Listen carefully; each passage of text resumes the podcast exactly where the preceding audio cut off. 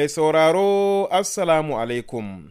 Barkanmu da sake saduwa a wani sabon shirin na tubalin tsaro, wanda a yau muka tattauna da babban hafsan hafsoshin rundunar tsaron Najeriya, General Christopher Musa, wanda ya taɓa batutuwa da dama ciki har da batun ababen da ke kawo cikas a yaƙi da ta'addanci da ake yi a Najeriya. Gaskiyar lamari kan jita-jitar da ake yadawa cewar Faransa ta girke sojojinta har bataliya biyu a Najeriya. Shin ina aka kwana ne kan batun bincike da aka kaddamar biyo bayan kisan gilla da sojoji suka yi wa masu maulidi a garin tudun biri. Domin jin amsoshin waɗannan tambayoyi da ma ƙari a kansu sai ku biyo mu sannu a hankali wanda ni Hassan mai na kaina zan gabatar.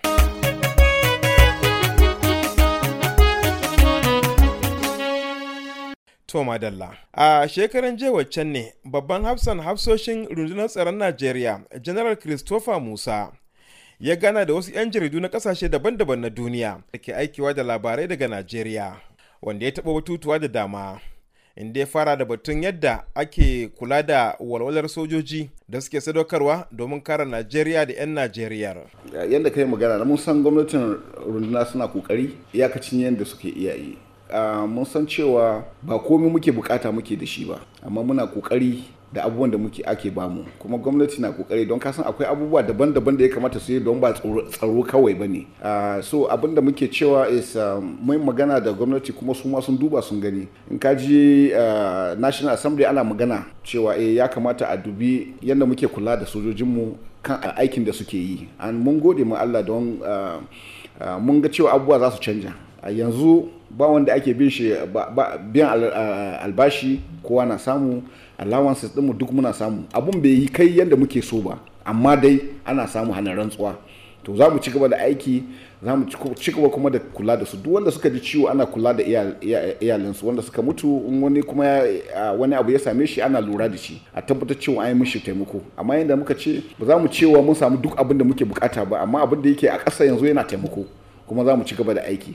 Roƙonmu jama'a su dinga mana addu'a a dinga sa baki ana taimakon sojoji. A dinga maganganun da zai taimake su da zai ba su kuzarin jiki su yi aiki. Zage-zagen da ake yi bacin su da ake yi ba zai taimake su ba. Da in sun zo sun ce to su ma sun gaji ba za su yi ba to me zai faru? Duk ba wanda zai zauna a gidan shi. So mutane su tuna cewa eh zaka iya zuwa aikinka zaka iya zuwa gida ka yi bacci ka ci abinci. Domin soja yana nan a tsaye ya tabbatar cewa komai bai same ka ba. So muna roƙon jama'a a taimaka a sa hannu tare. In mun samu sojojin da ba su yin abin da ya kamata a gaya mana za mu ɗauki mataki. Wannan na tabbatar da cewa muna yi. to shin ina aka kwana ne akan binciken da aka kaddamar biyo bayan harin tudun biri wanda soja suka kashe wasu faran hula. to na gode. Eh na yanzu a cikin turanci na yi maganar tudun biri. A report an riga an sa kwamiti sun riga sun je. A dama akwai abubuwan da ake buƙata. Sunayen wanda suka mutu abin da ya samu wanda ya ji ciwo shine muke ƙoƙarin samu. Ba mu iya mu samu sunayen duka. Wanda ya samu namba an ce kaza sun mutu amma mu don kuma an rige an business suka mu je. So ba abin da muke so kuma za mu je mu tono ba ne don ba mu so mu dago abin da ya riga ya wuce. To amma report ya a shirye yake. In Allah ya so kafin ƙarshen wata za a faɗi ma jama'a su je abin da ya faru. Amma yanda muka ce rundunar sojojin Najeriya an yi mu ne mu kare jama'a. Ba mu kashe kowa ba ba mu ji duk wanda muke bi muna bin waɗanda wannan muyagun mutane su muke nema. To wannan abin da ya faru zan ce muku yanda abin ya faru yadda muka yi magana kuskure ne ba wani ne ya tashi ya je nemi wani ya kashe a'a. Amma in report ne ya fito mun tabbatar tsakani da Allah za a yi kuma kowa zai je abin da ya faru. So a zauna a jira. Ana kokawa kan albashin da ake baiwa sojojin Najeriya da ke fagen daga. Shin menene gaskiyar lamari akan wannan? Batun albashin da ake ba mu gaskiya ne. Kusan da yawa na yi magana cewa sojoji na suna karɓan kudinsu albashinsu bai ka dubu hamsin ba. Ko ni nan da kaina in naje ina gaban abin nan wurin yaƙi abincin da ake ci da ni dubu ɗaya da ɗari biyu. To ni na tabbatar ba wanda nan zai cewa wannan kuɗin ya isa. Amma gwamnati na ƙoƙari don ba mu ce a ɗauki kuɗin duka a ba mu ba a'a. Gwamnati na dubawa shi shugaban ƙasa ya magana cewa a sake dubawa. Mu kuma tabbatar cewa za a ƙara. Ba mu kaɗai ba da sauran 'yan tsaro. Domin kaga in an taimake mu mu ma za mu taimaki 'yan iyali. Don akwai mutanen da su ma suke dogara gare waɗannan mutanen. So taimakon su zai yi kyau. General christopher musa ya kuma yi magana akan halin da ake ciki a ƙasar nijar. Bayan jin mulkin da sojoji suka yi da kuma takunkumin da ecowas ta aza musu. To na gode. Eh shi issue din ecowas da niger yadda na gaya maka ko su ma yan niger masu ma sun sani cewa abubuwan da ke damuwan duniya yanzu babu ƙasa ɗaya da za ce ita kaɗai za ta iya yi. Dole sai an haɗa kai. So muna tare da su su ma sun san cewa muna tare. Kuma sun san cewa ba wai wai muna so mu kuntata musu ba ne a'a. Matakin juyin mulki da aka yi da soja suka ɗauke soja ba ruwansu da mulki da democracy. So muna son su zo su fito su gaya mu jama'a cewa to mun ɗauka mun kuskure amma ga ranar da za a yi zaɓe a kuma abin da kawai ake buƙata kenan ba wani abu ne. So mu da su ba mu da ba mu da wani matsala. Ni na gaya muka cewa muna aiki tare da su mun yi aiki tare da su mun san su mun san sojojin su mun yi aiki mun yi makarantu tare da su. Mu kuma domin muna da boda kilomita dubu da ɗari biyar dubu ɗaya da ɗari biyar duka tare da su. Muna da state state guda bakwai. Addini ne culture duk muna tare da su. So ba abin da muke son mu yaƙi da su ba ne ba abin da muke son mu yi abin nan abin nan. Muna son haɗin kai tare mu yi aiki da su. Kuma su ma na tabbatar cewa su ma sun san haka. Uh, so akan wannan na ecowas din shi shugaban kasa ya ce ana na ana magana da su a ga cewa yadda za a samu kan wannan su dawo cikin ecowas mu ci gaba aiki tare. Kuma na tabbatar allah ya so za su dawo. Batun garkuwar jama'a. Yallaɓai satar mutane don neman kuɗin fansa. Ya zama ruwan dare a najeriya inda za ka ga ana cinikin ɗan adam tamkar wani haja. Shin ku sojoji me kuke yi akan wannan? Musamman wurin amfani da fasahar zamani domin daƙile wannan matsala. Wannan abun yana ci gaba don akwai mutanen da ke samu ciki suna ci gaba. So mun san girma yadda gidan girman ƙasar ne yake. Shi ne yasa ne magana ni ce akwai abubuwan da muke buƙata da zai taimake mu aiki ba mu samu. Ko da kuɗin mu ma mun je kasuwa ba mu iya samun su mu saya. To manya-manyan ƙasashen nan su suke da wannan kayayyakin. To amma suna hana mu. Tambayan me yasa? Duk mun san cewa yaƙin da ake a Ukraine kuma na san kowa na ji a rediyo kuɗin da kullum ake ba Ukraine kayan aikin da ake ba Ukraine. Amma mu an hana muna. In ma za su ba mu kashi ɗaya cikin ɗari abubuwan da aka ba Ukraine na tabbatar musu Allah na tare da mu za mu samu kan abubuwan da ke faruwa nan. Amma yayi wuya. Kai maganan wayoyin waya. Akwai abin nan equipment da za a iya using a yi tracking waɗannan. Da ƙyan muke samu. So abubuwan da ke kawo mana illa da ba mu iya samu abin da sauri. Kuma bancin jama'a yanzu in sojoji sun wuce nan akwai wadanda za su je su duba a'a motoci uku sun wuce ga mutanen da ke ciki ga inda suke nan. Suna gaya musu waɗanda so shi yasa ce jama'a ma ya kamata sojoji mu kaɗai ba za mu iya yi ba tare da samun gudunmawa daga wurin jama'a ba. So muna roƙon jama'a su gane cewa wannan abin da ke faruwa abin da ke damun kowa ne. Don ko mu ma soja muna da 'yan uwa ai. Ya ba mun zauna a bariki muna muna nan waje yan uwan ma suna nan waje. So ya kamata kowa ya san cewa dukkan mu mun haɗa kai.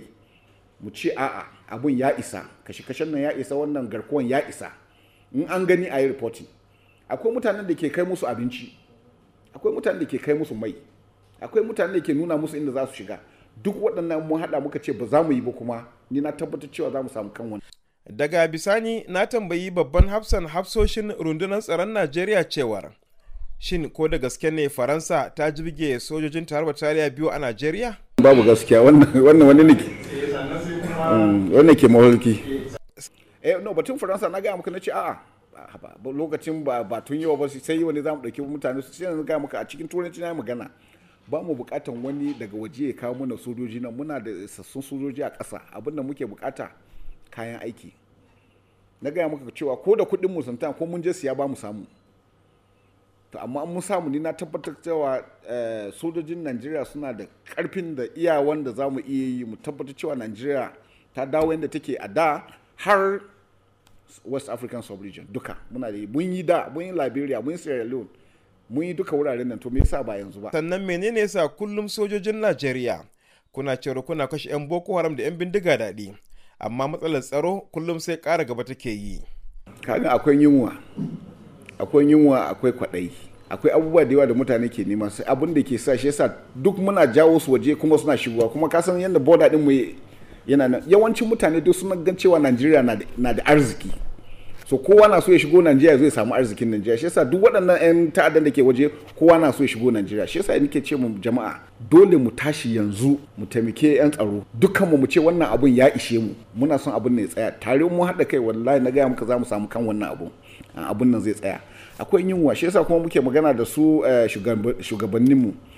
Kaga su local government dole a bar su su aiki. Yadda mutane za su samu ce don kowa yanzu yana zuwa wurin gwamnati gwamnati ba zai iya shi kadai ba. So dole in mun haɗa kai tare duka za mu iya samun wannan abu.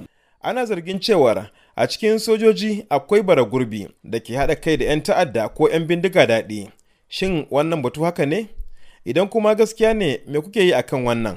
To na gode. An ce zato zunubi. Don akwai abubuwan da yes akwai maganganun da mutane waɗanda suke yi kawai don sun kawai sun so yanzu akwai social media kowa na iya magana. Amma akan gaskiya 'yan tsaro na ƙoƙarin iyakacin da suke yi. A cikinmu ba za mu iya cewa ɗari bisa ɗari ba. Dole za a samu waɗanda ba su yin ƙwarai shi yasa ga muka muna da namu kotu kotu din mu court martial din mu duk suna nan. Duk in muka kama mutum zai shiga. Muna tura mutane mu zuwa kurkuku. Abin da muke so da jama'a ba abun magana ba ne in ka gani ka gaya muna. In ka gaya kuma na tabbatar ana ɗaukar mataki. Akwai nambobi da muka sa na human rights desk. In ka ga wani ba sai an san ka ka kira ka ce wannan kaga wannan kaza ga abin da ke fara ga abin da ke abin da ka gani. Za mu ɗauki mataki.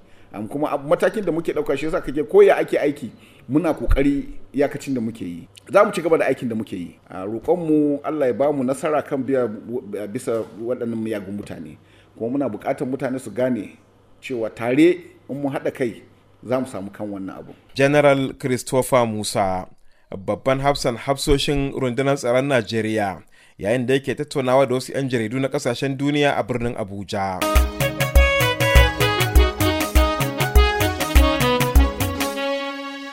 Masu sauraro duka-duka da wannan muka zo ƙarshen wannan shiri na tubalin tsaro na wannan mako.